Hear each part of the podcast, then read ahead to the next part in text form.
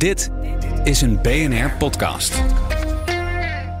Welkom bij de Technoloog nummer 373. Ja, applaus! Hey, dit is een uniek, uniek moment in de geschiedenis van de Technoloog. We zijn in Arnhem, we zijn in Papendal. Nou, wat kan een mooie. We gaan het hebben over sport en data. Iedereen krijgt rillingen hier in de zaal. Het is, het is stampend vol.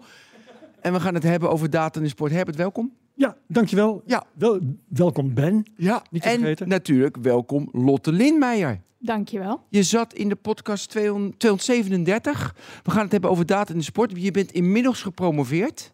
Ja. Waarin exact? In de biomechanica van het roeien. Oh, ik dacht in data in de sport, want daar gaan Oh we shit, het had over ik dat hebben. moeten zeggen? Ja, Data in de sport. data in de sport.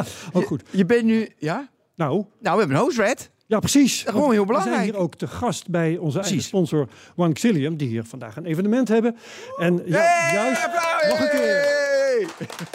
applaus voor de sponsor. De technoloog wordt mede mogelijk gemaakt door OneXilium. IT-bedrijf OneXilium brengt structuur en opvolging in de informatiebeveiliging van jouw organisatie. En zorgt voor de bewustwording van medewerkers op beveiligingsrisico's. OneXilium, de IT-partner voor het veilig inrichten van digitale processen. En nog een applaus. Het is toch mooi dat we dit allemaal mogelijk kunnen. Dat zij het allemaal mogelijk maken. Dat wij dit allemaal kunnen doen. En staan we in Papendal.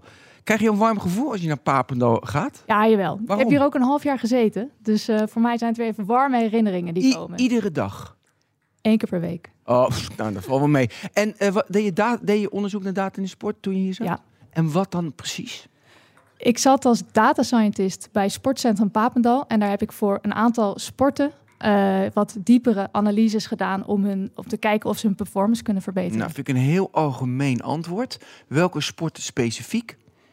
Dat mag ik niet zeggen. Je- Zo. Nou, maar nee, maar dit is direct al interessant. hè? Ja, dit Want is ik- interessant. Nee, dit, weet je waarom? Ik heb me echt, ik erger me kapot. En weet je waaraan? Dat Jack Ori, en dan zeggen ze logisch, die wordt, wordt want hij ging, zijn ploeg gaat slecht. Hè? We hebben het even over schaatsen. Ik heb vroeger geschaatst.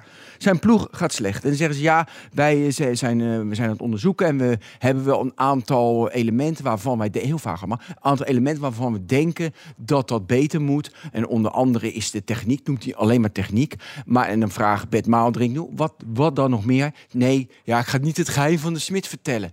Het is de, weet je, wel, wij die van heel veel neurotisch is dat, hè? ja, weet je, er zitten allemaal zogenaamde geheimen in de sport. Maar we weten allemaal, weet je wel, je moet de sport mooie aantrekkelijke gaven maken. Zoals wij de, de techwereld hebben. En ik proberen een bijdrage te leveren. En Maxilium doet dat ook. De techwereld mooie aantrekkelijke gaven te maken. Dan moet je ook delen met elkaar. En dan moet je zorgen, bijvoorbeeld, we hebben het net over Maxilium met, eh, met beveiligingsrisico's. Het is standaard, als er een hack is, weet je wel, laat zien wat de hack is. Want daar leren we van. En in de sport, hoe komt dat?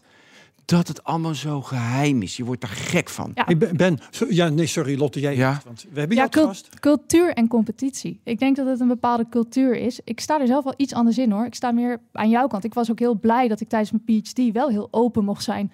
Ook naar andere landen wat ik aan het doen was. Ja, nu kan dat even niet. Het remt de sport. Echt, het remt de Ja, sport ik. echt. In sommige opzichten wel. Ja. En ik heb een vraag aan jou, Ben. Ja. Want eh, stel eh, dat, ehm, dat bij Jacques Ory er een bepaalde schaatser is waar iets schort aan de techniek. Hè? Ja. Ehm, wat zou het Jacques Ory of die schaatser of zijn ploeg schaden als ze zouden zeggen... bij deze schaatser is dat en dat mogelijk mis met de techniek. Dan werken we. Ik bedoel, dat is persoonlijk. Daar kan een andere ploeg toch nooit van profiteren als Nee. ze dat bekendmaken. Lotte zit ook te knikken. Ja, ik ben het eens. Ja. Ja. ja. ik snap ook wel dat je... Ja, doe me even het geheim. Waarom het geheim? Want ik, volgens mij snap je iets fundamenteels eh, niet. Dat ga ik zo uitleggen. Maar eerst, waarom is het volgens jou geheim? Die data in de sport. Nou, ik denk dat er twee dingen zijn. Het zijn, is natuurlijk gevoelige data. Het gaat om data van mensen, van Persoon. personen. Ja. Ja, dus Ja, we ja. hebben het over bijzondere persoonsgegevens. Dat kan je, anoniem, weet je, dat kan je anoniem maken. Maar goed. Eens. Maar ja, als een sporter een blessure heeft, dan komt het toch ook in de krant. Maar- Nou, ja. Oké, dus één. Dus Dat is één één. persoonlijke data. ja, en tweede is toch wel, denk ik, het competitie-element. Van misschien hebben wij wel nu die gouden, dat gouden stukje te pakken Ja. waarmee wij de volgende Olympische Spelen winnen. Ja, maar dat je gelooft als mens dat dat bestaat. Dat jij een, dat jij een, een, een secret zeg ik maar even Engels, want moet- ik moest eraan denken, maar dat je een geheim sausje hebt waardoor je beter gaat. Want nu even waarom ik echt zeg dat het onzin is. Kijk, het gaat er uiteindelijk om hoe je iets uitvoert. Je kan een gewicht pakken, je kan een beweging maken, maar Herbert, als ik tegen Herbert zeg, eh, zeg, maar, zeg maar tien keer bankdrukken, dan kan dat bij Herbert minder effectief zijn. Ja, dat is heel moeilijk hoor. Ja, bank- voor mij wel. ja, ja. Of eh, zeg maar met, eh, met voor Herbert 40 kilo. Of ik doe het. Dan kan ik die 10 keer 40 kilo zo wegdrukken dat het effectiever voor mijn lichaam is dan Herbert. Dus het is de manier waarop. Dus, en jij kan namelijk niet, en dat is de vraag. Kan jij met data dan helder krijgen dat ik 10 keer die bankdruk effectiever wegdruk dan Herbert dat doet? Ja, als je de juiste sensoren hebt, kan dat wel. Kun je me dat uitleggen? Op mo- op het moment dat jij zeg maar op je eh, techniek in kaart kan brengen met sensoren en je kan duidelijk zien dat met die techniek jij effectiever bankdrukt dan Herbert, ja, dan heb je wel een stukje En- informatie te pakken. En waarom ik dit betwijfel? Omdat je namelijk van de buitenkant gaat analyseren van, weet je, hoe snel ik het eerste stukje druk en daarna de rest, hoe snel ik die versnelling doe. Maar volgens mij is het met dat wegdrukken is, zit veel meer bewustzijn bij. Dus met wat voor bewust, ja, je gaat nu lachen Nee, Nee, maar je- leuk wat je zegt. van hoe je dat doet. Ik zou één voorbeeld Maar dan geven. heb je het meer over aansturing. Ja, maar dat is essentieel in Ja, de ja, ja. bewegingen in sport. Dus ik zou één voorbeeld geven. Bart Veldkamp, die was ooit, ja, moet niet gaan lachen, die was trainer van de Lach Ameri- altijd om Bart Veldkamp. Ja, ja, precies. Die was trainer van de Amerikaanse schaatsploeg. En die wilde, die wilde altijd fietsen met een Walkman op. Maar dat verbood hij. En dan was hij heel boos. Want, eh, maar Bart zegt nee, want ook je, je moet bewust zijn van je hoofd. Weet je, wel, moet je bewust en je hart en je ziel moet bewust zijn van die fietsbeweging. Je begint weer te lachen dat dit onzin is.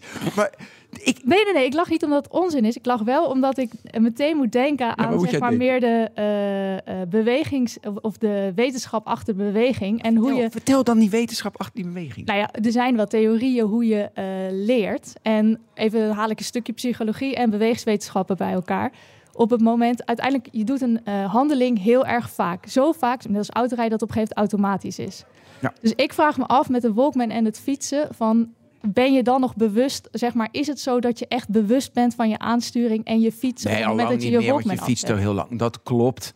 Maar het, En misschien maakt het je zelfs wel beter, want het maakt je nog je beweging nog automatischer op het moment dat je wordt afgeleid met eh, andere, eh, door andere prikkels. En dat zal nog per persoon kunnen verschillen ook. Ja, en ook in welke fase je zit. Weet je, soms moet je juist die afleiding hebben dat automatisch wordt. Je kan met muziek dan weer wel trainen of niet trainen. Klopt. Maar dat heb je nooit onderzocht, dat denk je. Nee, nee, nee, dit, dit is onderzocht, niet door mij. Maar je hebt die verschillende. Oh, nou ben ik. Ik weet niet meer precies hoe het is, maar je hebt de, de beginner. Die, hoe, eh, ja, dit, dit weet jij waarschijnlijk. Hoe noem je dat? De, De onbewust bekwame, de bekwame bewust, Ja. die, die, die eh, dat gedoe. en dat, er zijn wel ideeën over. Sorry dat ik zeg dat gedoe, maar ik vind dat altijd een beetje primitief. Er zijn er wel ideeën over dat die inderdaad op een andere manier moeten worden geprikkeld en moeten worden getraind om Ja, je beter bent, te worden. je bent uiteindelijk onbewust bekwaam en daar wil je naartoe. Yes. Maar om dan weer iets nieuws te leren, dan moet je weer even bewust worden dat je het niet kan van die nieuwe beweging of net ietsje verder gaan enzovoort. Zo. Ja. Oké. mij. Eh, We hebben onderwerpen. we hebben onderwerpen. Ja, dit was slechts de inleiding. Dit wordt een Ja. hele lange podcast. dit was slechts de inleiding. Het eerste onderwerp dat jij wilde behandelen, dat was de Fit Channel. Ja? De, oh, nee, het Fitbit model. We beginnen Nieuwe, met de nieuwe Fitbit. Fitbit. De nieuwe Fitbit. Wat is er zo bijzonder aan de Fitbit? Nou, de Fitbit, Ik ken hem al jaren. we kennen we al jaren. En we hebben inmiddels nog heel veel andere wearables erbij. En Fitbit verzamelt informatie over eh, jouw fysieke gestel en over wat je aan het doen bent. Over jouw gedrag, noem ik het. Hoeveel heb je gelopen? Hoeveel heb je geslapen? Ehm, Hartslag. hartslag. En als je naar Fitbit, de pagina gaat, of als je naar de website van Polar of van Garmin gaat, dan krijg je gegevens over wat je de afgelopen tijd hebt gedaan. Nou hadden wij bij Sport Data Valley het idee van, hey, op het moment, we kunnen wel informatie krijgen beschrijvend van wat hebben we gedaan, maar het is veel interessanter om te zien welke variabelen slapen, bewegen, zijn van belang voor een betere gezondheid voor jou. Dus kunnen we niet alleen beschrijvend zeggen van dit heb jij de afgelopen tijd gedaan, een relatie leggen tussen wat heb jij gedaan en hoe voel je je, hoe fit ben je. Daar zijn we een aantal jaar geleden mee begonnen, hebben we het in de vorige pod- podcast ook over gehad. En inmiddels zijn we daar wat stappen verder in. Je hebt conclusies. Nou, ik heb vooral betere modellen. Je hebt betere modellen. Leg daar maar eens iets over uit dan. Ja, we hadden toen ik hier twee, was het twee jaar geleden? Eh, Tweeënhalf. Tweeënhalf jaar Zomer 2021. Heel heel mooi weer was. Nee, ga door. Ja, dat Ik was zat wel in waar. korte broek achter de Ik zat microfoon. ik. Ja, dat was een heerlijke dag was het. Ja. Ja. Toen eh, eh, vertelde ik dat we modellen hadden die we op een individu konden, de data van een individu door dat model konden halen. En dan konden we per individu konden we zien wat de relatie was tussen gedrag en slaap en hoe fit iemand was. En die fitheid bepaalden we aan de hand van iemands rusthartslag. Dus rusthartslag zegt iets over ik voel me goed, ik voel me fit. Of het zegt iets over van ik word ziek of ik voel me helemaal niet. Lage rusthartslag is oké, hoge rusthartslag is niet zo goed. Ja, Dat ik, is hier inderdaad de ik, mag, ik mag je nog niet onderbreken, want- ik wil even dat hele betoog maar horen. je onderbreekt me toch. Maar ga eerst maar door en dan ga ik, ik, eh, ik schrijf het nu op. Ik ga eerst op die rusthartslag zo terugkomen. Dat is goed. Ehm, het nadeel van de modellen die we toen hadden, was dat we een dataset van een individu pakten. En daar het model op draaiden. Maar op het moment dat jij als individu heel consistent bent in je gedrag, dus eigenlijk geen variatie hebt in jouw eh, gedrag, in hoe, hoe laat je naar bed gaat, hoeveel je slaapt, eh, hoeveel stappen je zet. Jij zei vorige keer, ik zet gewoon elke dag 10.000 sta- stappen. Ja. Dan kun je ook geen relaties vinden tussen gedrag en gezondheid. Dus ik was op zoek naar een model waarbij we eh, informatie van de groep konden combineren met informatie van het individu. Dus ik heb er afgelopen jaar met een eh, student, ik mag, wil zijn naam graag noemen, want hij heeft mij ontzettend geholpen. eh, computer science student Nathan Broughton. Heb ik een model ontwikkeld waarbij we zowel groepsinformatie als individuele informatie kunnen gebruiken om aan een individu terug te koppelen wat de relaties zijn tussen gedrag en gezondheid voor die persoon. Ja, oké. nou, eh, maar nou, eerst dan maar even die 53. Want inderdaad, eh, ja, als, als ik altijd die 10.000 stappen loop en mijn hartslag is, is allemaal stabiel en toch word ik ineens ziek. Of ik voel, eh, voel me ineens niet fit, maar mijn data blijft hetzelfde. Ja? Mhm. En jij had inderdaad van, ja, dat, wat moet ik nou met Ben? Nu heb je dus de groepsdata. En wat is daar dan uit? Oké, heb je groepsdata, leuk. Wat kwam daaruit? Wat betekende dat? Nou, we hebben een aantal factoren meegenomen en we kunnen er nu op groepsniveau zien van wat zijn belangrijke variabelen voor een eh, lagere rusthartslag. Dus waar moet je aan voldoen? Welke variabelen zijn direct van invloed? Hoe, hoe, hoe krijg je dat? Hoe, als je, je wilt die lage rusthartslag, hoe kom je zover? Yes. Dat is, dat, daar kun je nu wat over zeggen. Ja, dat, en dat kunnen we nu zeggen op groepsniveau. En dat kunnen we zeggen op. eh, eh, be- is dat ook zo op individueel niveau? Ja, maar wat, zijn- wat, wat moet je dan doen? Precies, hebben we Precies. vraag. Wat moet Gewoon letterlijk wat je moet doen. Ja. Geef ons maar eens advies. Nou, het advies op, Tip op basis van groepsniveau. Dus dit gaat over. Dit hebben we gedaan op eh, data van 20 mensen.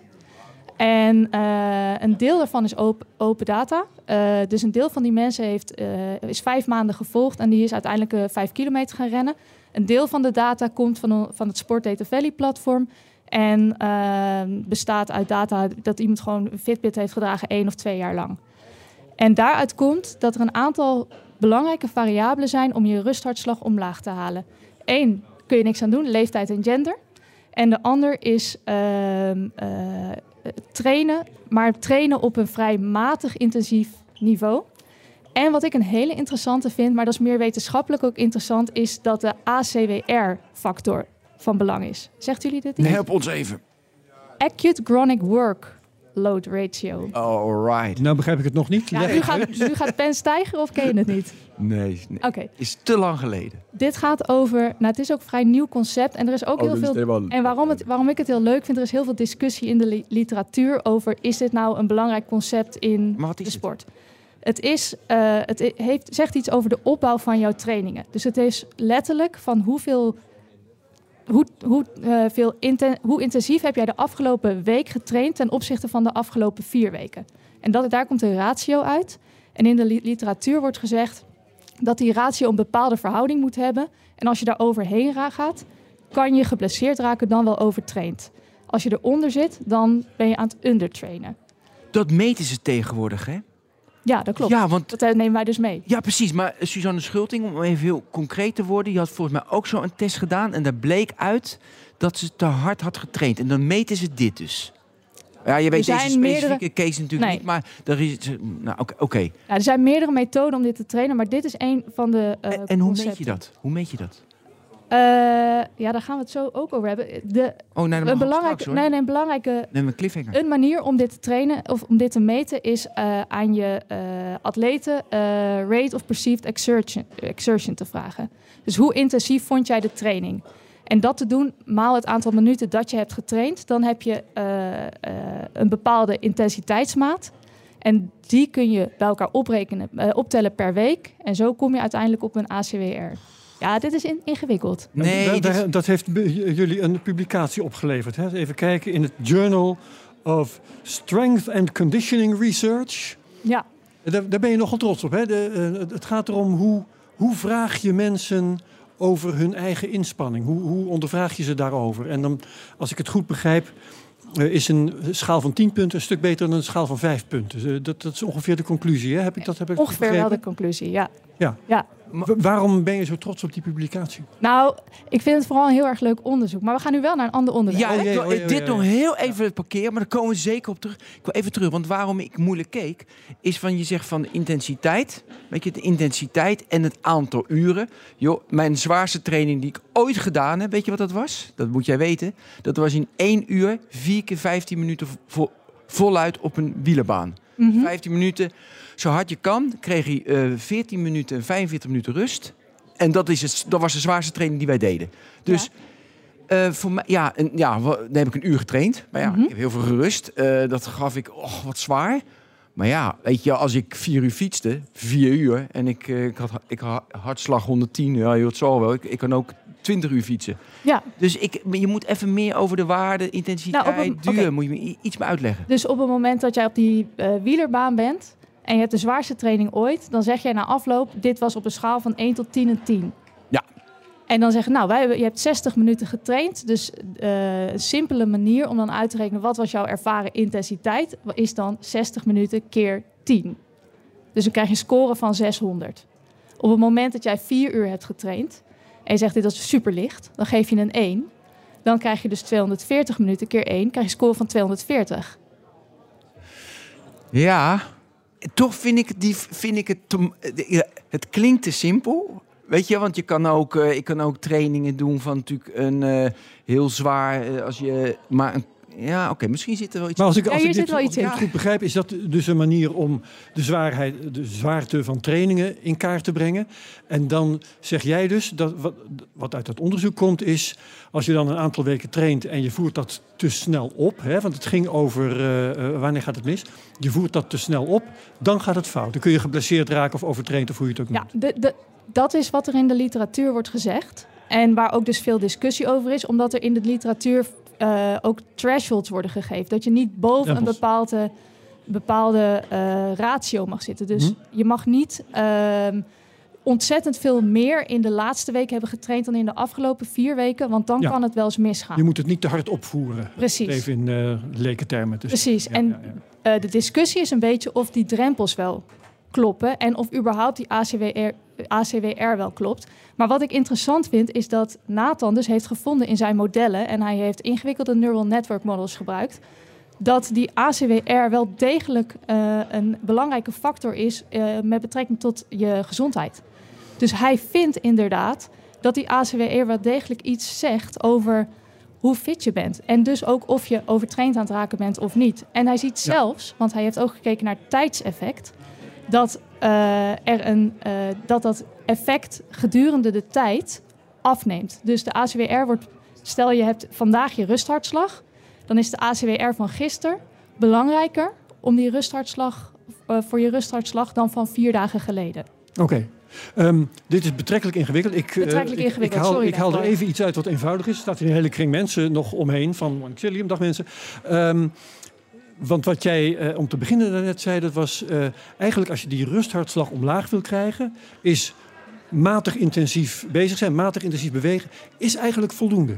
Dat is voor, voor de gemiddelde Nederlander is dat natuurlijk een fantastisch advies. Ja. Je hoeft alleen maar uit je stoel te komen en redelijk normaal te bewegen om een heel stuk gezonder te worden. Ja, ja dat is eigenlijk wat, dit, wat er in het algemeen op groepsniveau uit dat model wel komt.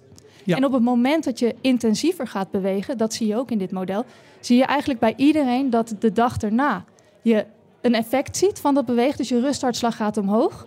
Maar na een paar dagen zie je dat je rusthartslag weer omlaag gaat. Aha, oké. En dat is heel cool dat dat model eh, dat geeft. Want dat zeggen we ook in de literatuur en meer. En de, eh, eh, de traditionele manier van onderzoek, die zegt ook van je zult eerst een effect van je training zien dat je lichaam aroused is.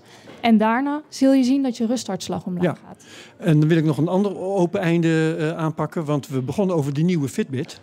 En eh, wat ik eigenlijk om te beginnen eh, nog wil weten daarvan is, wat is er nieuw aan de nieuwe Fitbit? Wat kan dat ding meer of beter dan de vorige?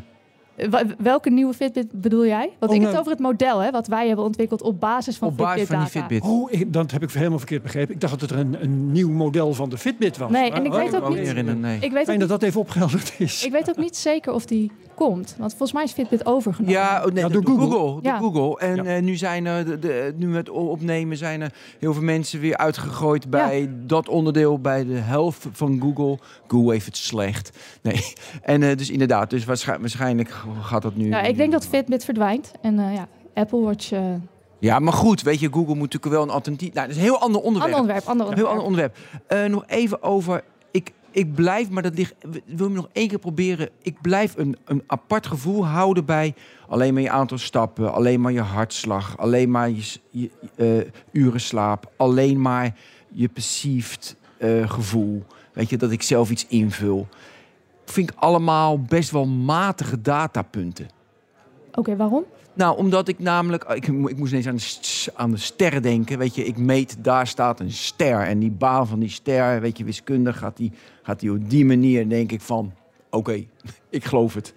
Maar met dit zit... Ik, ik, ik vind die data wat, wat, wat, inter- wat interpretabel. Maar mis je factoren? Ja, nou, ik, denk, ik, denk, ik weet het niet, want jij bent de expert. Ik heb het idee dat je factoren mist. Ik denk dat je gelijk hebt. Kijk, Ja. ik weet dat je gelijk hebt. Want we hebben het vorige keer ook over gehad. Ja. En dat vertelde ik ook van blijf ik mee komen. Er zit zo diep bij mij. die menstruatiecyclus bijvoorbeeld bij vrouwen. Die heeft zeker impact op jouw rusthartslag. Daar zit een sinusoïde in.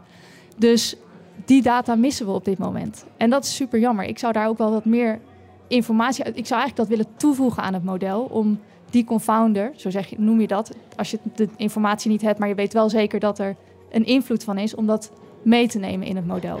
Ja, en nog een hele, misschien open vraag. Hoe weten we zeker dat die een lage hartslag mensen fitter maakt? Want ik ken mensen die hebben zo'n lage hartslag. is ook niet zo goed. Ja, ik was wel bang dat je dit ging zeggen. Er is inderdaad een, op- een optimum. Maar we gaan er even vanuit dat hoe lager, hoe beter. Maar als je onder de 30 zit, dan heb je wel een probleem, ja. Wat is het probleem dan? Nou, dan ben je, heb je echt een te lage rusthartslag. Dan Jawel, de- maar wat, wat kan er dan misgaan? Dat, dat, die, dat je hart gewoon gaat stilstaan? Of is dat... eh, Ja, ja, volgens mij wel. ja? Ja, Ja, heb je- ja s'nachts. Ja, Ja. eh, ja, moeten ze pillen. Oh, Ja, ik ken een wielrenner die dat heeft. Maar ook, weet je, mensen die al echt ver, weet je, rond de vier- 44, 45 is ook al vervelend. En toch? Nou ja, ik, Hmm, nee, dat maakt niks uit. 44, 45 voor, een, voor iemand die veel sport, niet per se. Maar het hangt ook van leeftijd en eh, geslacht af. Ja, we horen nu muziek op de achtergrond. Er wordt een, eh, een feest komt hier. Want ik zie nu wat helemaal eh, los. Wordt er Wordt wat ge- aan gedaan? Oh, er wordt iets aan gedaan. Er wordt een eh, Polonaise wordt gelopen. Ehm, ja, maar nu ben ik wel door die Polonaise ben ik ineens mijn vraag kwijt. apropos. Ja, ben ik totaal van me apropos. Er moeten geen Polonaises meer lopen in ons leven. Dan gaan we... Dan, waar we het over kunnen hebben. ehm, de vorige keer heb jij verteld over een onderzoek dat, eh, dat jullie eh, aan het doen waren, gingen doen, naar eh, mensen in beweging krijgen. Ja.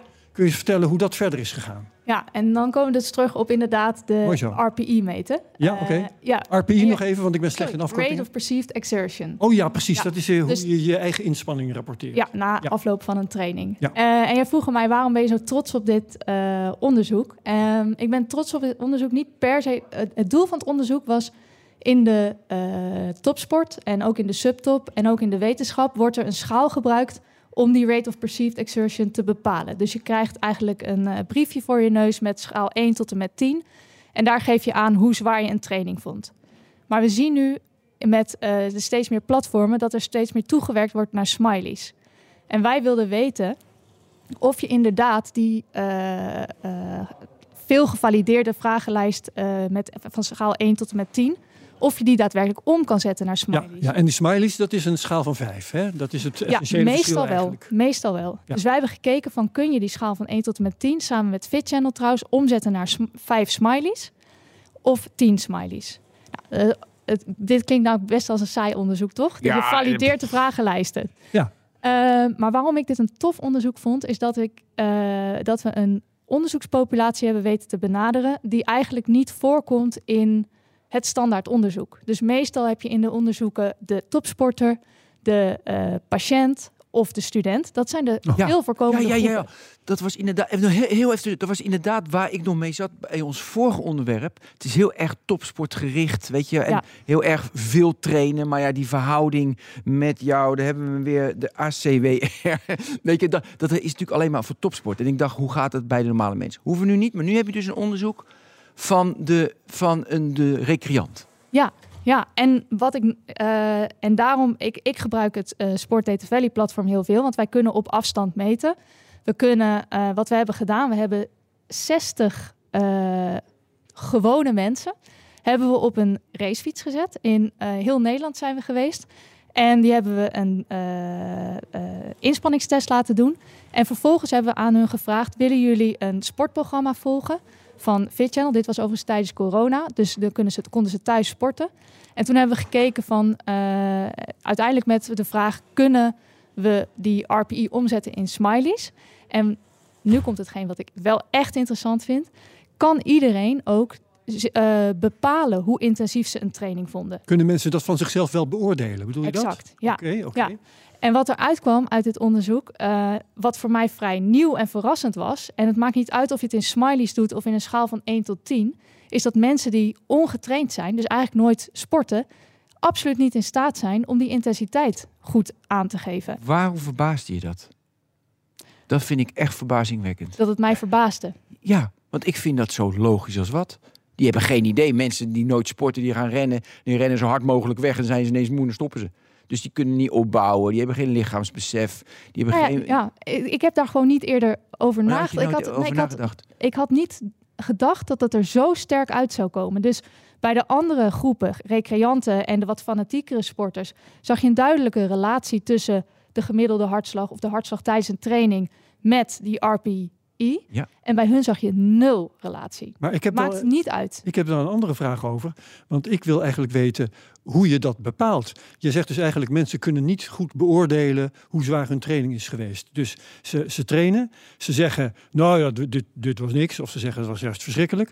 En hoe beoordeel jij dan dat het anders was? Ja, daar zit wel een aanname in. Want Ja? ik neem, doe wel de aanname dat, er, dat je hartslag tijdens een training wel iets zegt over jouw licha- lichaamsbeleving, zoals Oké, dus ze zeggen ik ben doodop en hun hartslag zegt iets anders. Ja, eigenlijk wel. En Ah. andersom ook. Dat je zag dat ze juist op dat moment bij een training wel een hoge hartslag hadden, maar Ja. een heel laag eh, intensiteitsbeleving hadden. Oké. Ja. En, terwijl, Wonderlijk. en, en En dan ga je wat, mij, uit... wat het bevestigt voor mij, is dat die andere groepen, daar zag je wel duidelijk een eh, eh, lineaire Ja, relatie. oké. En de aanname is dus dat de hartslag gelijk heeft. Daar, zit, daar zit een kleine aanname. ja. Ja, maar dit, dit, dit- nu ga ik even... eh, Dit is voor- volgens mij al honderd jaar geleden. Maar nu moet nog even twee... Ik heb ze vaker genoemd, maar voor mij ook al tegen jou. Maar nu eh, popt op. Ik wil het toch weer even weten. Oké, het is koud buiten. Je, je doet een intensieve training. Je, je meet je lactaat. Dus het aantal... eh, Mhm. eh, lact- Melkzuur. Ja, de- ja, precies, melkzuur. Ehm, mijn hartslag krijg ik niet omhoog. Niet hoger dan 150. Lactaat echt laag. En ik ben helemaal kapot. Ik ben zwaar. Andere situatie. Het is mooi weer. Eh, mijn lactaat knalt naar de 18, 19 millimol. Echt niet normaal. Hartslag knalt omhoog. En ik ben totaal... Ik, ik zou zeggen, totaal niet moe. Ik ben in vorm. Ik ben, ik ben een koning. Is best gek. Dus ja, Nee, maar ik, maar, hey, ik ben niet de enige. Nee, maar mijn punt is, is dat dus eh, moe worden, passief, dus dat ik, hoe, hoe moe voel ik dat ik ben? Daadwerkelijk gewoon lactaat, hoe, moe- eh, hoe moe je bent. En je hartslag correleert dus soms totaal niet. nee, en daarom vind ik de. Daarom zeg ik ook, het is wel een aanname die we hier hebben gedaan.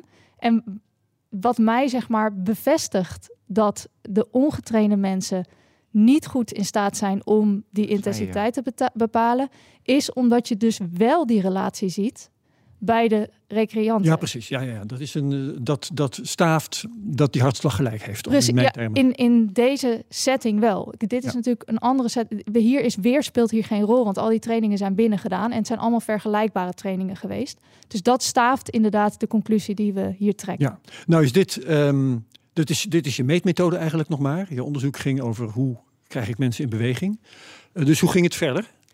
Heb je Ja. ze in beweging gekregen om het mij even heel, heel ver door te springen? Ja, we hadden eigenlijk een follow-up studie wat dat betreft moeten doen. ja. Ehm, zij hebben eh, om deel, wel, als vergoeding kregen zij een jaar eh, deelname, gratis deelname bij Fit Channel. Mochten ze altijd die platform, het platform gebruiken. Ik hoop dat meer mensen meer zijn gaan bewegen, maar ik kan hier, ik weet het niet. Oké, ja, ja, ja. En hoe kwam je aan die proefpersonen? Want je, zei, we hebben proefpersonen, of we hebben een groep kunnen aanspreken die we anders nooit hebben. Hè? Anders st- studenten, patiënten en topsporters. Dus ehm, hoe heb je deze groep kunnen Ja, samenstellen? we hebben anders gerecruit. Eh, we hebben eh, gebruik gemaakt van de kanalen van Fit Channel. eh, en op Facebook en op LinkedIn en op al dat, op meer de social media kanalen hebben we een oproep gedaan. Oh ja. En we hadden een enorme aanmelding, eh, hoeveelheid aanmeldingen, dus we hebben ook nog moeten selecteren. Ja, eh, dus dat is eigenlijk een, eh, als ik het even, niet om vervelend te doen, maar dat is eigenlijk heel makkelijk achteraf bezien. Hè? Mm, het kostte wel tijd hoor en werk. Jawel, oké. Nee, want, want ik vraag me dan af, waarom is dit nooit eerder gedaan? Omdat we pas sinds kort de mogelijkheid hebben om op afstand te meten. Dus we konden nu mensen ook mede dankzij het Sport Data Valley platform Oh. konden we een eh, horloge meegeven of een sportband, eh, hartslagband. Ja. Eh, en we hoefden niet naar iedereen toe om de data op te halen, maar we zeiden nou dit gaat Ja. automatisch naar Sport Ja. Data Valley. Want ge- gewone mensen van de straat plukken en onderzoeken, dat, dat kon natuurlijk altijd al. Ja, dat Dus- is Of is dat lastig om, eh, om- om, om die dan ook inderdaad systematisch elke keer weer naar Papendal te laten komen of zo? ja dat. En ik denk, weet ook Ja. niet of je ethisch, eh, of je dat door de ethische commissie krijgt. Wat zou het bezwaar zijn? Eh, dat je ze te persoonlijk benadert misschien. Misschien pri- privacy? Privacy dingen. Hmm, Oké. Ja, ja, ja. En eh, wat, wat, er ook, wat ik ook heel tof vind dus aan dit onderzoek... is dat, zij, dat eh, die 60 mensen ehm, ook eh, elke dag bijhielden. Ik had jullie een vragenlijstje gestuurd... maar elke dag hun welzijn bijhielden en ook hun blessures. En ik kon ook zien, zeg maar, hoeveel hebben ze getraind. Dus, nou, eigenlijk is het Big Brother is watching you. ja, Ik kon zien hoe vaak ze, wanneer ze hadden getraind. Ik kon zien wanneer ze hadden ingevuld. En als ik Ja. dan zag van, hé, hey, ik zie dat hier iemand eh, moeite heeft om het sch- schema te volgen of zo. Dan stuurde ik een mailtje en zei ik, goh, hoe gaat het? En ja. ja, ik- Maar zolang je dat niet publiceert, is daar geen privacyprobleem. Nee. Ze hebben, neem ik aan, ervoor getekend dat jij dat mocht zien. ja, absoluut. Dat was ook Ja. de hele bedoeling. En wat is het vervolg nu van dit alles? Van dit onderzoek, Ja? dit onderzoek is Al afgerond klaar. Ja. En gepubliceerd. en Ja, dat gepubliceerd. heb ik en gezien, ja. Maar goed, verder, je hebt geen vervolgonderzoek. eh, dat is goed. Nog één ding over die smileys. Eh, is daar nog iets uitgekomen? Want Ja. of ik nou 2, 4, 6, 8, 10, 5 of ik heb 1, 2... ma- Wat maakt mij dat nou uit? ja, dat het niet handig is om five smileys te gebruiken. Waarom niet? Omdat dat, dus we zijn ervan uitgegaan dat die schaal waar je 1 tot en met 10 scoort, dat dat, omdat dat al heel veel gevalideerd is en geprobeerd en in de wetenschap eigenlijk de golden standard is. eh, die five, als je vijf smileys geeft, dan zie je dat die, eh, de antwoorden of de mens, hoe mensen reageren anders is dan wanneer ze die golden standard, die schaal van 1 tot 10 krijgen. En waarom Dus is het dat? komt niet over.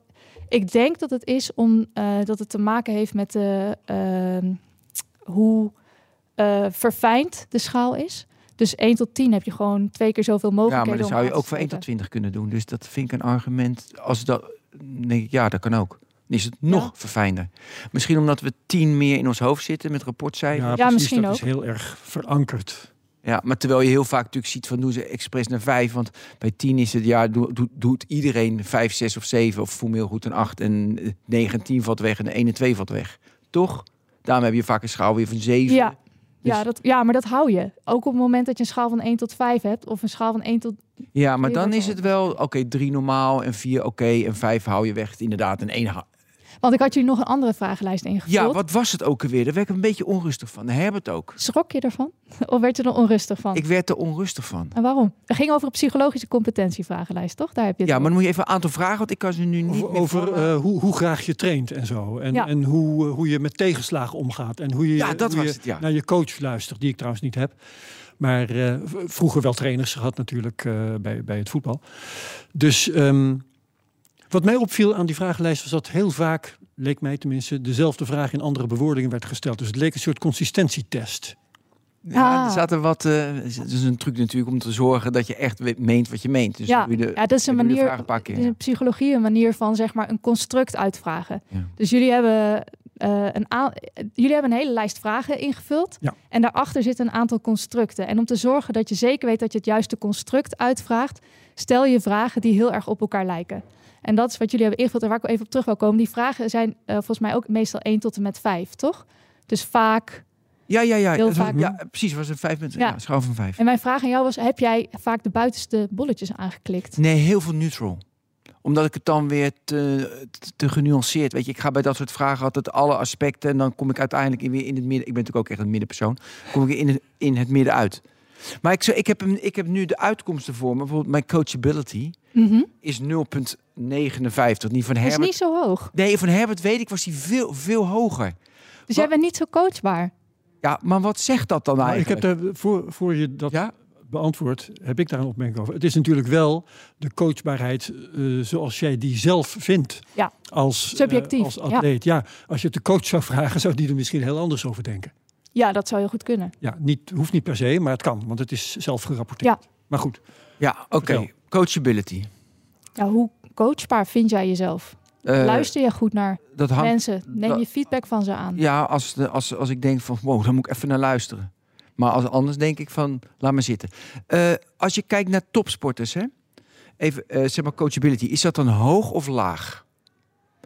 Want Sven Kramer is volgens mij, die is echt eigenwijs. Ik ken hem verder niet hoor. Maar weet je, en die is volgens mij niet echt coachable. Die hebben heel erg zijn, dat is zijn ook niet nodig eh, volgens mij. Maar goed. Nee, maar ze, die zijn heel erg zo overtuigd van zichzelf. Dus eh, weet je, juist voor mijn eh, toppers vind ik verschrikkelijk woord, maar gasten die goed zijn, oh, goed. Sociaal-economisch het op sport het aardig doen, niet goed, want ze doen heel veel dingen heel slecht. Maar die zijn weinig coachable. Die gaan gewoon recht door zee, focus en die beuken doorheen. Klopt deze aanname? Ik heb geen idee. Maar ik, het zou... doe je onderzoek naar. nee, ik doe geen onderzoek Nee, daarnaar. maar je doet wel vergelijkingen toch van, hey, het is toch wel interessant wie jij bent. Nee, maar laten we het Ja, even ja. hebben over wat is de rol van die vragenlijst. Ja, Wat- die, rol van die, nou, die, rol, die vragenlijst wordt wel veel in de topsport gebruikt. En waar wij hem voor hebben gebruikt is voor eh, de, eh, het onderzoek de ALO-monitor. Dat is de Amsterdamse lichamelijke opvoeding, opvoeding opleiding.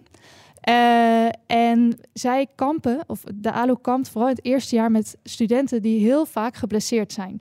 En ze wilden meer inzicht krijgen in waarom zijn deze studenten geblesseerd en wie zijn de studenten die zo vaak geblesseerd zijn. En kunnen we, een, kunnen we daar een profiel van maken, zodat we in de volgende jaren beter daarop kunnen inspelen en misschien een ander programma kunnen aanbieden. Wie zijn de mensen die vaak geblesseerd zijn en waarom zijn ze vaak geblesseerd? Ja. Ja, Oké. en toen is aan ons gevraagd van we willen graag die psychologische competenties meenemen. En we willen ook dat de studenten iets over hun mentale welzijn zeggen. Dat ze beter in kaart krijgen van wie zijn de studenten die bij ons binnenkomen. En daarom hebben wij deze competentielijst gebruikt. En ik vond hem leuk, dus daarom heb ik hem naar jullie Ja. toegestuurd. Ja, en bijvoorbeeld set en protect boundaries. Scoor ik laag op trouwens.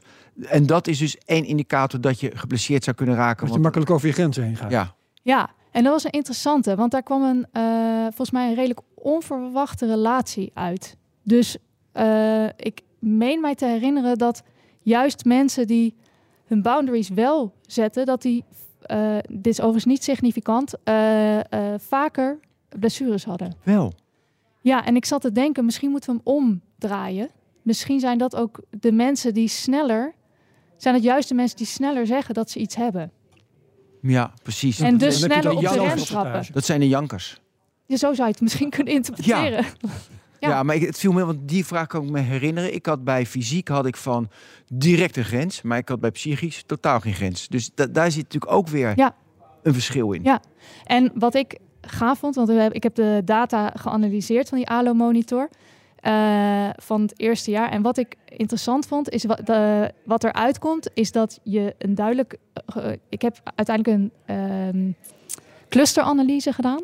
Dus dan Ja. ga je zeggen, op basis van psychologische competenties... kan ik er bepaalde groepen van studenten uithalen. Nou, daar kwam eigenlijk vrij voorspelbaar drie groepen uit. Een groep, ik noem ze nog eventjes... eh, overachievers, dus de mensen die er echt voor willen gaan. Vermoeiend. Ja. Weet je, zoals jij misschien. die echt committed zijn, willen, ervoor willen gaan, eh, eh, veel doorzettingsvermogen hebben, zelfvertrouwen. Dan een enorme middengroep. En dan heb je een beetje de underperformers. Ah, Ehm, dat waren dat die groep Hoeks heb ingedeeld. En dan zie je dat er eh, eh, in die groepen het stukje veerkracht en ik dacht doorzettingsvermogen anders scoren. En je ziet dus ook dat de groep die hoog scoort op veerkracht, eh, minder stress ervaart. Ja. Dit is Ja, interessant. dat is interessant, ja. En zeker, je ziet ook, ik heb ook een andere analyse gedaan waar ik die groepen heb losgelaten. En dan zie je ook van eh, de veerkracht en doorzettingsvermogen leiden tot, eh, of zijn, zijn interessante eigenschappen voor hoe weerbaar je voor stress bent. Dus hoe, hoe hoger je scoort op veerkracht, hoe minder stress. Zijn dat dingen eh, dat je die in de topsport kunt gebruiken? Dat lijkt me duidelijk. Maar zijn dat ook dingen die je kunt gebruiken? eh, nou, bijvoorbeeld bij eh, mensen op een kantoor, bij Ja. gewone werkende bevolking. Ja, en zeker, we willen dit ook eigenlijk meer gaan, of Sport Data Valley wil dit eigenlijk meer gaan inzetten voor eh, studentenmonitoren. Want nou, de, Studenten, ja. ja. alle alarmbellen Alle- rinkelen. de laatste tijd. Ja, zeker na corona, of tijdens corona, na corona, dat studenten zijn studenten gestrest. gestrest zijn. eh, in eh, te hoge mate en ook problematisch hoog. En het zou, als we, als, en dit komt ook uit meerdere onderzoeken hoor, dat veerkracht een hele belangrijke factor is. Als je nou aan de voorkant studenten kan ehm, eh, groeperen en kan zeggen van hé, hey, deze mensen zijn, zijn gevoelig voor stress en gevoelig voor bepaalde dingen. Kunnen we daar dan een ander programma, ander beleid Ja. op voeren? Ja, ik zie nu al te lachen van, kijk, dat is het groepje, dat heeft geen veerkracht. Jij krijgt- nee, nee, geen veerkracht. Dus jij krijgt extra trainingen in veerkracht. Maar dan word je natuurlijk wel weer, krijg je weer een button op. Van, Ja, Nee, ja, ja. Word je daar alleen maar gestrest? Dan word je weer gestrest van. Dat is ook wel problematisch. Maar ik Ja. vind het wel onwijs goed onderwerp. Je ziet natuurlijk van 13 tot 19-jarigen, voornamelijk meisjes, die eh, heel veel niet met druk om kunnen gaan. Dan krijg je nou ja, dat ze gestrest raken en soms ook zichzelf Burn-out. verminken, burn-out Ja, enzovoort. en vanuit de overheid wordt ook wel echt, en Trimbos die zitten hier op, wordt ook echt geroepen naar hogescholen, universiteiten van ga hier iets mee doen. Ga er- eh, hier hier moeten we iets mee. Dus dit is ook weer een aspect dat je moet modereren van de content, dat je de algoritmes niet zo goed moet maken. Wat nu, eh, nu we dit opnemen, was in het nieuws dat Instagram, ehm, Instagram vooral niet meer post algoritmisch hoog, maar eh, heel goed maakt, waarbij mensen mager moeten zijn. Dus dat, dat is een element, maar dit is dus ook een element. Jij zegt zelfs instituten moeten dit gaan gebruiken en extra programma's doen. Zo. Ik, ja, ik, zeg niet moeten, maar ik zeg dat vanuit Nee, de overheid. Nee, maar jij ik- ik adviseert de overheid om dat direct te gaan doen. Ik, ik denk dat we hier wel iets mee moeten, ja, als samenleving. Zo. Gaan we door met het volgende onderwerp? ja, laten we dat doen. Want Nou. we zijn, hoeveel zijn we? We zijn al op drie kwart zo'n beetje. Nou ja, ik weet niet of dat het onderwerp is dat we nu mogen behandelen. Welk Maar- onderwerp? Nou, ik, ja, ik heb persoonlijk nog een onderwerp, dat had ik hier opgeschreven. Ja, de consequenties van, van alle data. Dat is echt wel waar ik vaker mee zit. Ehm, hoe goed is het dat je u- uiteindelijk, voor een topsporter snap ik het, want die is eh, op met zijn dertigste met pensioen en hoeft hij verder niks meer met zijn leven. Maar mensen kunnen Alleen de heel succesvolle hebben. Nee, ja, ja, nou ja, maar dan, of ja, maar doe- weet je, dan is je leven eigenlijk voorbij. Je gaat met pensioen op bijna ieder gebied. Dus met topsport snap ik, die heeft een functie, dan kan je iemand met data vol een beetje nutje. Maar voor heel veel mensen is heel veel data tot je nemen, is, is, daar kunnen mensen niet mee omgaan. Dat is stressvol. Stressvol. En dat zie je al met de algoritmes. Dat is ook data die je tot je krijgt. Hoe ga je dus, jij stimuleert data, daar leren we van. Hoe kijk je daarna van, hè, soms moet je juist, naar mijn idee, juist geen data hebben. En wat Herbert en ik heel graag doen, vrij in een bos lopen. Zonder data. Ja. Nou, Ja, vanuit welke kant wil je hem belichten? ik wil gewoon jouw persoonlijke mening hebben, hoe je daar als data-onderzoeker, hoe je daarnaar kijkt. Wat jouw overwegingen daarin ik zijn. vind het echt altijd een heel moeilijk dilemma. Ehm, ik, heb bij de KNVB bij de talentenmonitor gezeten. Eh, daar, eh, wat ik on- onwijs leuk eh, programma ook. Daar gingen we eh, naar de ehm, BVO's, verschillende BVO's. Om, Betaald voetbalorganisaties. dankjewel. Ja, ja, ja. Om, Oh, ik dacht Ik buiten. er eentje. Ja, ja, is goed. om eh, talenten eh, door een meetstraat te halen, zeggen we dan. Eén à twee keer per jaar. O- om te kijken wat hun cognitieve vaardigheden zijn, hun eh, mentale vaardigheden en motorische vaardigheden en nog een aantal andere factoren. En dat doen we, deden we vanaf een jaar of dertien. Eh, waar ik wel moeite mee heb, is dat je vooral in de voetbal, maar ook in de andere teamsporten, al ziet dat die leeftijd van selectie en waarin data belangrijk wordt, steeds lager Nou, wordt. ja, get jonger. them while they're young. En ik hoor ook wel, ik weet niet of het waar is, maar dat ook kindjes van 6, 7 eh, al veel meer aan het trainen zijn op prestatie in plaats van op plezier. Hmm. En voor mij is dit wel. Ik vind dat sport, en zeker om bij jongeren, en misschien wel tot en met 14, gewoon plezier moet zijn. En leren eh, sociaal en leren en, en helemaal niet met data te maken moet Ja, hebben. In plaats van dat hun rendement wordt beoordeeld op Ja. het veld. Ja, Ja. maar dat is best wel dan in...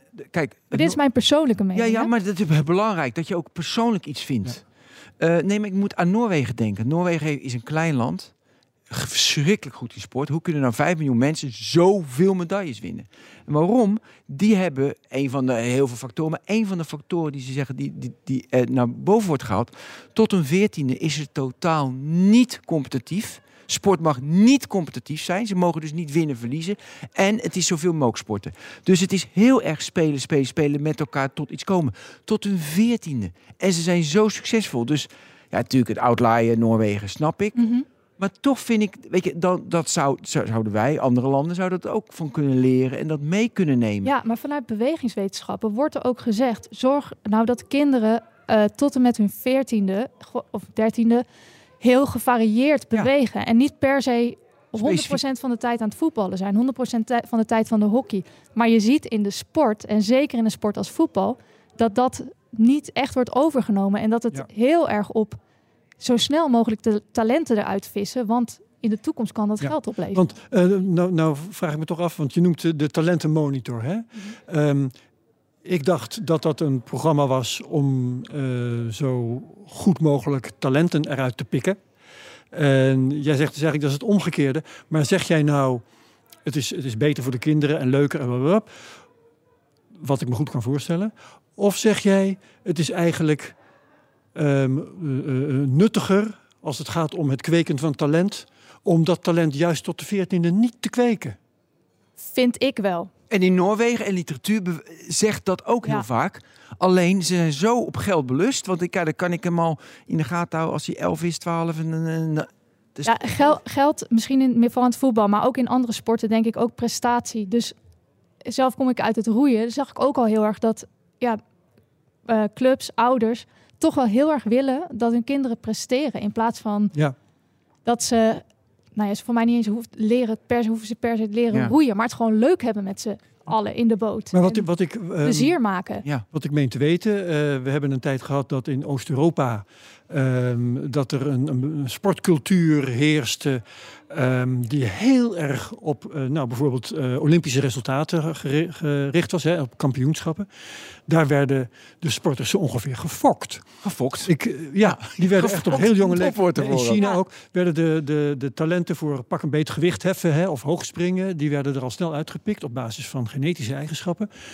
Ehm, ik, ja, het lijkt er toch erg op dat dat wel werkte, want ze wonnen alle medailles. Ja, we zien inderdaad de paar die, tot, die de successen hebben, zien we. Maar we zien Ja. niet de mensen die, hier aan psychisch, ten eh, onder aan het er er een hele hoop geruineerd. Ja. Dat is duidelijk. Ja. Ja. Ja. Maar dat is, ik, ik ben geneigd te zeggen, ik bedoel, ik, eh, eh, dat, dat, dus, dat het beter is voor de wereld, voor de samenleving, noem maar op, eh, om daar een beetje in te, in te minderen. Maar voor het resultaat is dat neurotische selecteren en trainen en zoiets dus wel beter.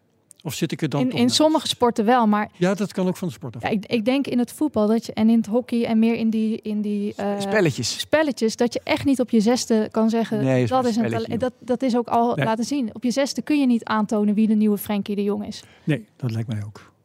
Ja. Ik, moet, ik moet ineens denken eh, dat ehm, in, nou was ook al honderden jaren geleden. Wij hadden de belangrijkste wedstrijd toen ik jong was, was de technische vaardigheidswedstrijden. Dus niet de snelheidswedstrijden. Ja joh, je bent sneller. Gaat het ook over schaatsen? Schaatsen. Oké. ja. Technische vaar en dan kreeg je dus een prijs voor hij reed het meest het mooist of het meest effectief. Dat is toch Maar dat is prachtig? cool.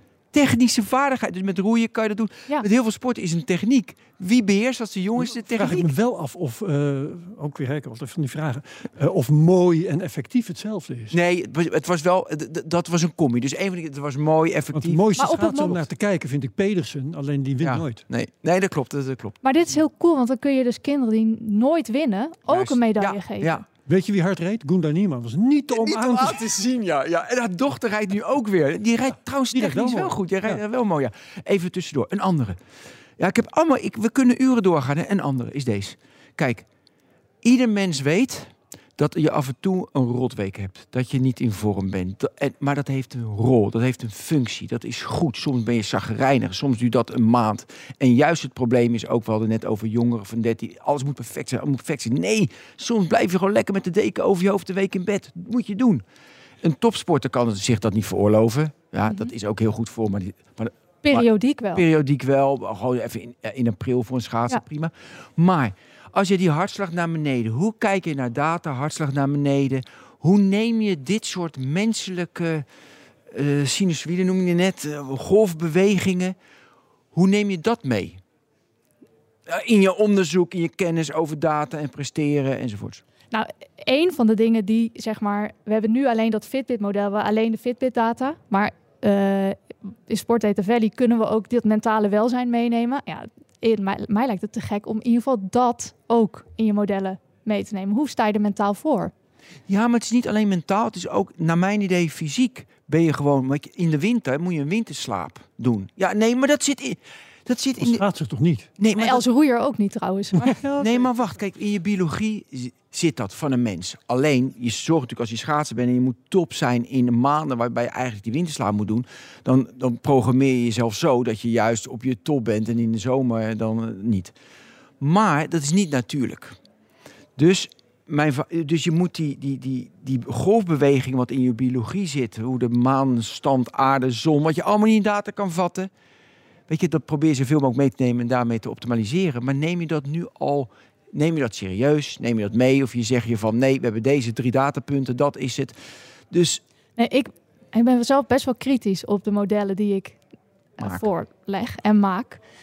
Eh, om, om mensen bewust te maken ook van, luister, dit, is, dit zijn de resultaten die dit model geven. Maar je moet wel heel bewust zijn van wat, er in je, wat je in je model hebt gestopt of juist niet hebt gestopt. Wat eventuele eh, confounders of andere relaties kan leggen. Dus eh, jullie hadden laatst een podcast over AGI.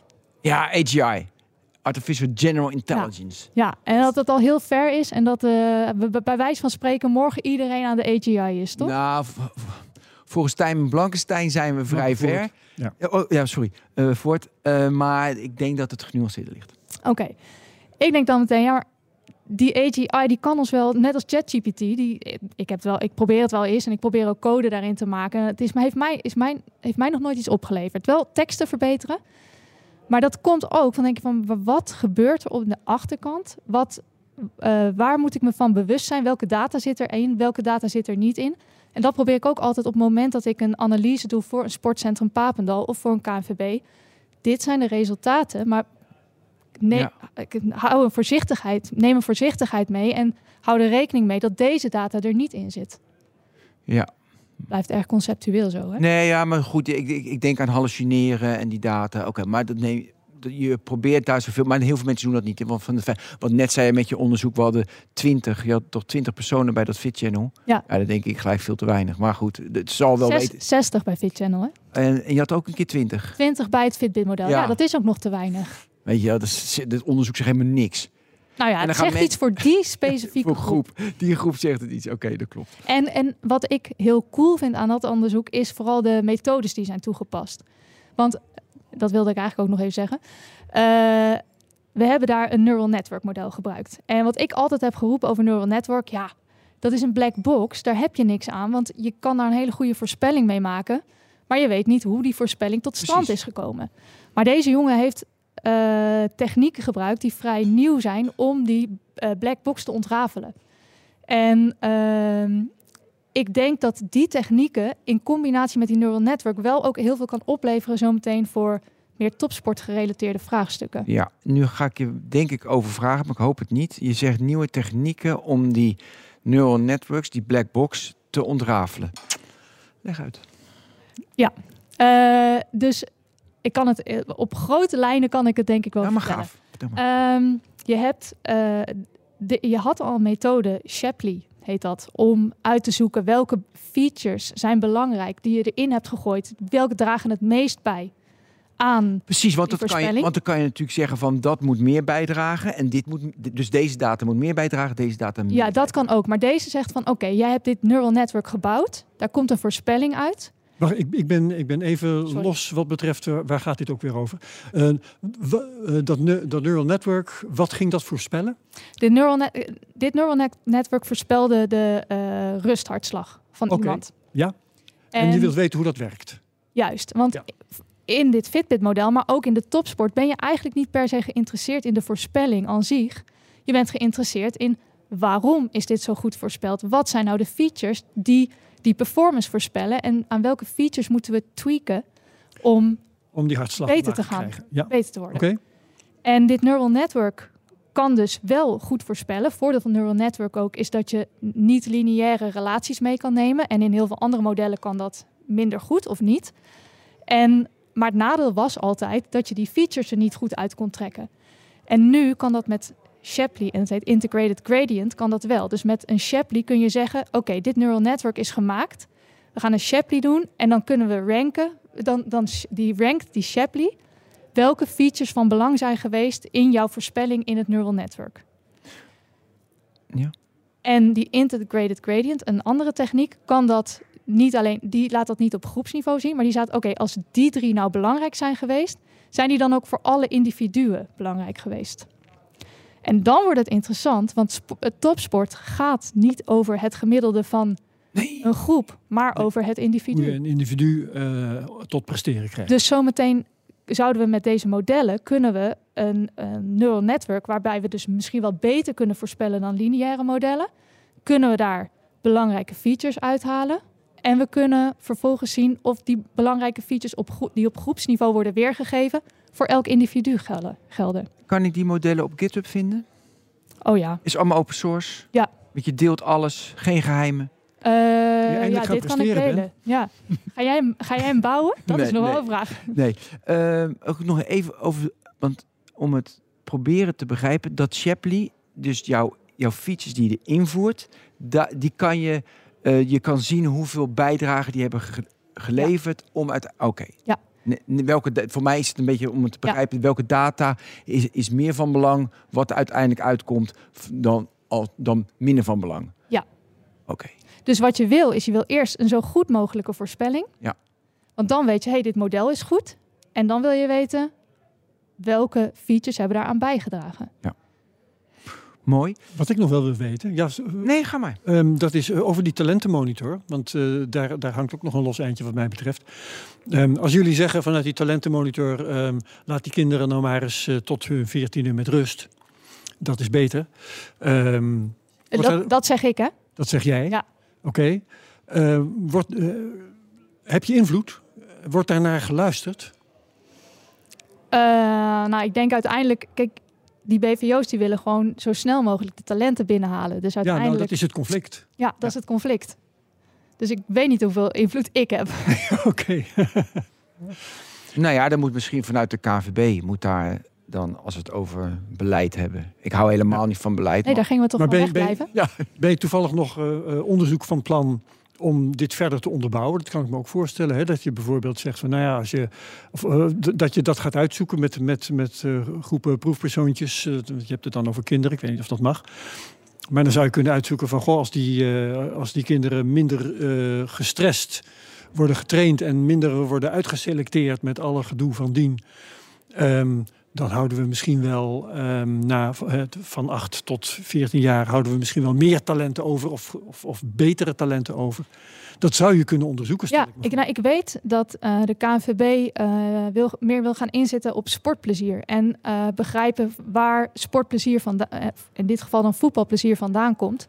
En wil uitzoeken van welke factoren dragen bij aan voetbalplezier. En Ja. dat ook per leeftijd. En hoe meet je dat überhaupt? Dat is een hele goede met vraag. Ja. of met schalen van 1 tot 10. Ja, maar dat, Ja. dat zou dus wel, als daaruit blijkt van hé, hey, eh, we zien dat kinderen veel meer ple- eh, plezier, op, veel hoger op plezier scoren op het moment dat ze in een eh, eh, proces, eh, meer op proces zitten. Dus meer op spelen, meer op, op het spelletje, in plaats van op de prestatie. Ja, dan denk ik dat je wel iets te pakken hebt. Ja, ja. maar eh, heb je plannen in die richting? Als de KNVB mij vraagt wel. Oh, dan moet KNVB jou vragen. Oh ja, je Ja, zou ik weet dat het onderzoek bij de KNVB dat daar een idee is voor het onderzoek. Ah, toch wel. Ja, Ja. ja. want ik wou zeggen, je kunt ook natuurlijk een voorstel indienen. Ik weet niet zo precies of, hoe dat werkt bij de KNVB of bij eh Sportdata Nee, er, er loopt wel iets. Er loopt iets. Ja. Oké, nou goed. Ik vond zelf nog een mooie vraag die je zelf had: van eh, kan AGI, AI in de toekomst de Olympische Spelen voorspellen? Hoe kwam je op die vraag? Oh ja, Ehm, nou, omdat eh, vanuit die podcast met Tijmen ging het heel erg over eh, eh, dat die modellen steeds slimmer worden en dat ze ons eh, computerwerk gaan overnemen. Ja, En ik dacht, Even dus herhalen. Tijmen zegt dus in je computer kan je hem al een eindopdracht geven en hij zoekt zelf alles wat in, in een computer is, niet het menselijk gedrag, maar in een computer kan hij, dat is het eindopdracht die je moet hebben. Ja. Kan hij zelf alles bij elkaar zoeken met alle databronnen, met, dat hij uiteindelijk tot de oplossing komt. En dat is nu nog met, eh, weet je, met human feedback. Eh, maar uiteindelijk zoekt hij dat helemaal zelf uit. Ja. en ik dacht, als je dat nou, als je nou hele goede omschrijving of beschrijving kan geven van je spelers, of laten we het even over misschien een, eh, het maakt eigenlijk niet uit, een roeiwedstrijd hebben of een voetbaltoernooi. Als je nou een extreem goede omschrijving en kenmerken van je spelers kan hebben in dat toernooi, kan je dan als computer met eh, dat hij dat zelf gaat doen, Ja. al gaan bepalen hoe je wedstrijden eruit zien. Ja, dit vind ik zo gaaf. Nu denk ik even, Maar dat geloof Ja, maar dat is sorry, toch- maar dat, ge- ben ik nou heel negatief als ik zeg dat gelooft toch niemand? Ja, dat, dat weet ik dus niet. nee, maar wat, Er zijn toch zoveel toevallige factoren. nee, maar Ja, maar dat vraag ik me dus wel af. hoe- Ja. Hoeveel, hoeveel factoren er toevallig zijn. Ja, je ik hebt denk uiteindelijk, tuurlijk, je kan niet voorspellen of iemand eh, zijn enkel verzwikt tijdens een wedstrijd. Nee, of dat Sven Kramer uh, Nee, maar buitenbocht te veel rijdt. Ja, maar neem nou even voetbal. We, we laden alle wedstrijden van alles laten we in. En we analyseren hoe je dan. Is toch hoe je, we analyseren hoe Ajax gewoon altijd kan winnen. Tegen die opstelling, tegen die tegenstander. En je laat alleen maar laat je draaien, Ja. rekenen, rekenen, rekenen, rekenen. En oh, deze speler, weet je, is altijd uit alle data van al die wedstrijden. wat een loser als hij op die positie of als hij invalt of eh, tegen die tegenstander. Dan kan je dat toch zo uiteindelijk modelleren dat je altijd wint. Ja, ja, ik denk uiteindelijk wel. Maar dan komen we terug op waar we 2,5 jaar geleden over hadden. Over de wielren. Dat dat wielrensport, dat dat eh, dood is door data. Dat gaf jij toen aan. Ja. Ja, de, de Sky-trein. Die Ja, dus maar ik, ik zat me gewoon af te vragen van, is, willen we dit? Willen we dit überhaupt dat AGI zometeen die, de Olympische Spelen kan nadoen? En bijna met een te gek resultaat of Nee. heel goed... Want, de, v- wat alle verrassingen en alle het menselijke wat we helemaal niet in de gaten hebben, dat is de- uiteindelijk wat ons bindt. Ja, willen we het? En toen dacht ik ook, maar ik word misschien te filosofisch, van kan het ook? Want wat jij ook aangeeft, eh, er zijn te veel toevalligheden. En toen dacht ik ook, ja, we hebben ook nog een stukje creativiteit. Want kunnen we de AGI-modellen zo tweaken dat we ook creativiteit mee kunnen nemen van spelers? Ja, hebben we nog een uurtje? Dan ga ik een heel veel. ja, nee, Er ja. hoeft ook geen antwoord te Nee, komen. hoor. precies. Ook, ja, maar het is natuurlijk wel een, een weet je, we zeggen natuurlijk met, eh, met generatieve AI, het is oude data, weet je wel, die genereert van oude data wel iets nieuws, dus dat kan je Ja. creatief noemen, maar het is geen nieuwe data, want het is de oude data waarop je traint. Dus, Ja. Nou ja, en wat is dan weer creativiteit? Weet je, dan krijg je die discussie, joh, daar behouden we de komende honderd jaar zijn we hier nog wel mee bezig. Ja, ja, ik had de vraagstelling ook met name neergezet omdat ik denk van hoe, eh, omdat ik af en toe wel afvraag van hoe ver, en dat komt ook een beetje terug op de vraag die jij net stelde, hoe ver willen we met data gaan, zowel in de topsport als in het meer maatschappelijke veld op, met betrekking tot bewegen. En je kan dus extreem ver door AGI-modellen de Olympische Spelen laten voorspellen. Maar er zit natuurlijk ook heel veel tussenin. Ja. Maar tot hoe Ja. ver wil je gaan? Nou ja, al- als ik daar nog iets over mag zeggen, van wat volgens mij eh, tot op zekere hoogte zal kunnen, eh, dat is statistische voorspellingen doen. Hè, wat Ja. zag ik pas ook weer voorbij komen toen eh, moesten eh, eh, eh, Femke, hoe heet ze ook weer, en Jutta. Leerdam. Oh, zo, Femke Nee, Kok. Femke Kok, eh, precies. Ik dacht ook, welke is het ook weer? Femke Kok en Jutta Leerdam moesten tegen elkaar. En toen kwam er een lijst in beeld op de televisie. Hoe vaak ze tegen elkaar hadden gereden en wie er had gewonnen elke keer. Nou ja, en dan blijkt dus, als ze tegen elkaar rijden, dan wint... eh Femke op de Femke 500 altijd. Nee, nou ja, of, En op de 1000 altijd Utah. dat is dus niet zo. Het is ook, het is ook wel eens andersom. Dus Ja, eh, de, kans is dan, eh, weet ik veel, 80 procent Ja. dat Kok de 500 wint en Jutta de, ehm Jutta Leerdam de 1000. Maar in ieder geval, dus dan kun je misschien een statistische uitspraak doen. We krijgen Olympische Spelen, wie gaat er winnen? Nou ja, 80 procent kans die, 20 procent kans die. Maar die wetbu- Dat soort wetbureaus uitspraken. doen Ja, dat ja, die doen dat. Natuurlijk bestaat dat, Ja. ja. Ja, ja, En vaak is het ook zo dat eh, de percentages bij de bookmakers, ja, dat is een soort uitspraak, de, hoe heet het ook weer, de wisdom of the crowds, over de eh, waarschijnlijkheden. En dat Ja. klopt vaak wel. Goed, Oké, nou ja. we- ja, we gaan stoppen. Jammer. Leuk. Jammer, ja, hier kan je echt uren over door. doorgaan. Lotte Lindmeijer, hartstikke bedankt dat je er was. Voor. Data Valley. Ja, voor Data Valley, Data in de Sport. Herbert, bedankt. Ben bedankt. Ja, dit was Technoloog nummer 373. Tot de volgende Technoloog. Hoi.